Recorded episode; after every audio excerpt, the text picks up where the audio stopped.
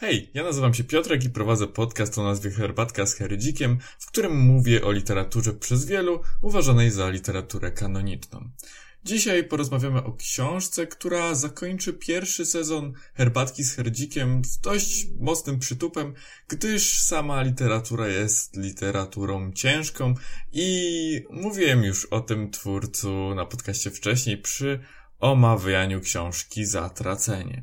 Dzisiaj mm, pod mój obiektyw albo mikrofon, jak kto woli, biorę po e, książkę o nazwie Zmierzch, również autorstwa Osamu Dazai. Chciałbym troszkę powiedzieć o samym wydaniu, gdyż jest naprawdę przepiękne. E, kupiłem tą książkę w księgarni internetowej Tajfuny. Nie jestem przez nich sponsorowany w żaden sposób, ale po prostu bardzo podoba mi się to, e, jak promują literaturę w sieci oraz na swoich socialach, więc obczajcie ich e, Tajfuny na Instagramie albo tajfuny chyba .pl albo com, nie jestem pewien. Samo wydanie jest bardzo minimalistyczne, a książka nie ma zbyt wielu stron, jest tylko 150-stronnicową książką, licząc e, w tym wstęp, który ma tych stron kilkanaście. No prawie 30. Dobrze. Nagadałem się na razie o samym wydaniu, teraz pora przejść do konkretów, czyli o czym cała książka jest. Cała książka opowiada historię e, dziewczyny oraz jej matki, dziewczyna ma na imię Kazuko i odchodzi od swojego męża, e, żeby zająć się po prostu matką, a tak naprawdę wcale nie czuje się tak bezpiecznie w małżeństwie, w które, które prowadziła do tej pory.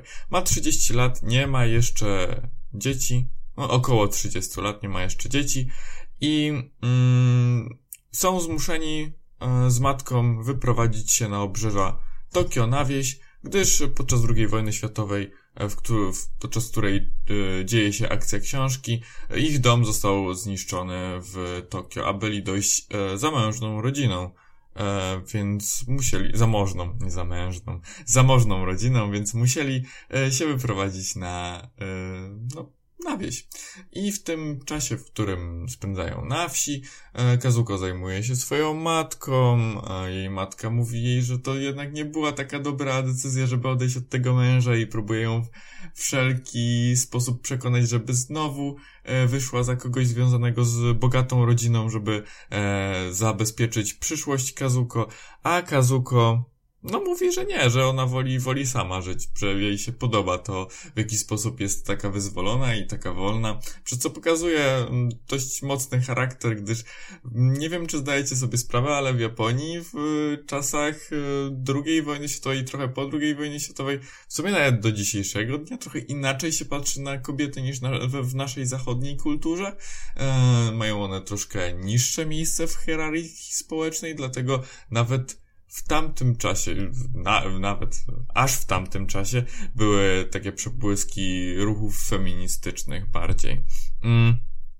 Jeszcze gdzieś w ciągu trwania fabuły książki przewija się motyw brata Kazuko, Naojiego, który wyjechał na wojnę i nie było długo e, o nim nic słychać, ale w pewnym momencie w książce dowiadujemy się, że jednak przeżył, ale jest na leczeniu, bo uzależnił się od opium po wydarzeniach z wojny. Mm, Noji oczywiście wraca do matki i córki w, w, w trakcie fabuły i no i oni cieszą się z tego, że po prostu ten, ten syn, e, ta matka się cieszy, że ten syn jest. Kazuko się też cieszy, że jest na początku ale koniec końców nie zwiastuje to nic złego dla całej rodziny, gdyż Naoji ciągle jest przystosowany w zasadzie do e, tego nałogu. W tle mm, przebija się jeszcze postać malarza. Malarz nazywa się Jiro i ten malarz jest troszkę jakby autorytetem artystycznym dla Noichiego. E, on e, trochę prowadzi go i przy okazji też podrywa Kazuko, przez co Kazuko troszkę tam się zakochuje, zatraca w, w naszym, e, naszym malarzu. Koniec końców, Noji umiera, mm, popełnia samobójstwo. Jiro okazuje się być kompletnym draniem oraz alkoholikiem i tylko wykorzystuje Kazuko, ale e, Kazuko zachodzi w ciążę z naszym Jiro i e, okazuje się pod sam koniec książki, że Naoji był cały czas zakochany w córce tego, w żonie tego malarza, która nosi dumne imię Suga.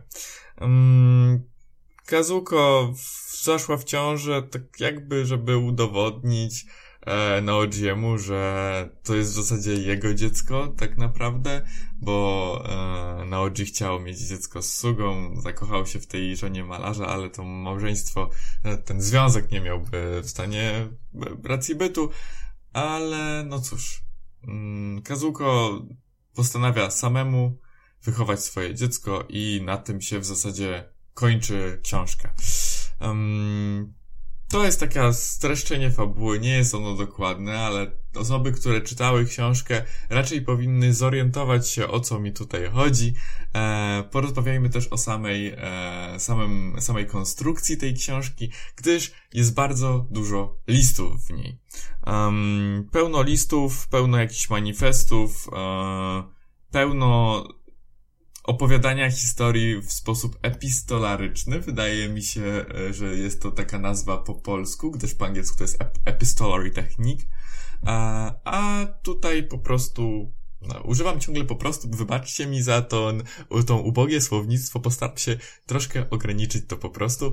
E, sama książka szybko się czytuje, gdyż jest bardzo przystępnym językiem napisana, jak praktycznie każda japońska powieść i wydaje mi się, że jest idealna dla kogoś, kto chciałby zacząć e, historię z Japoń... E, zacząć swoją przygodę z czytelnictwem japońskiej literatury właśnie dzięki tej książce.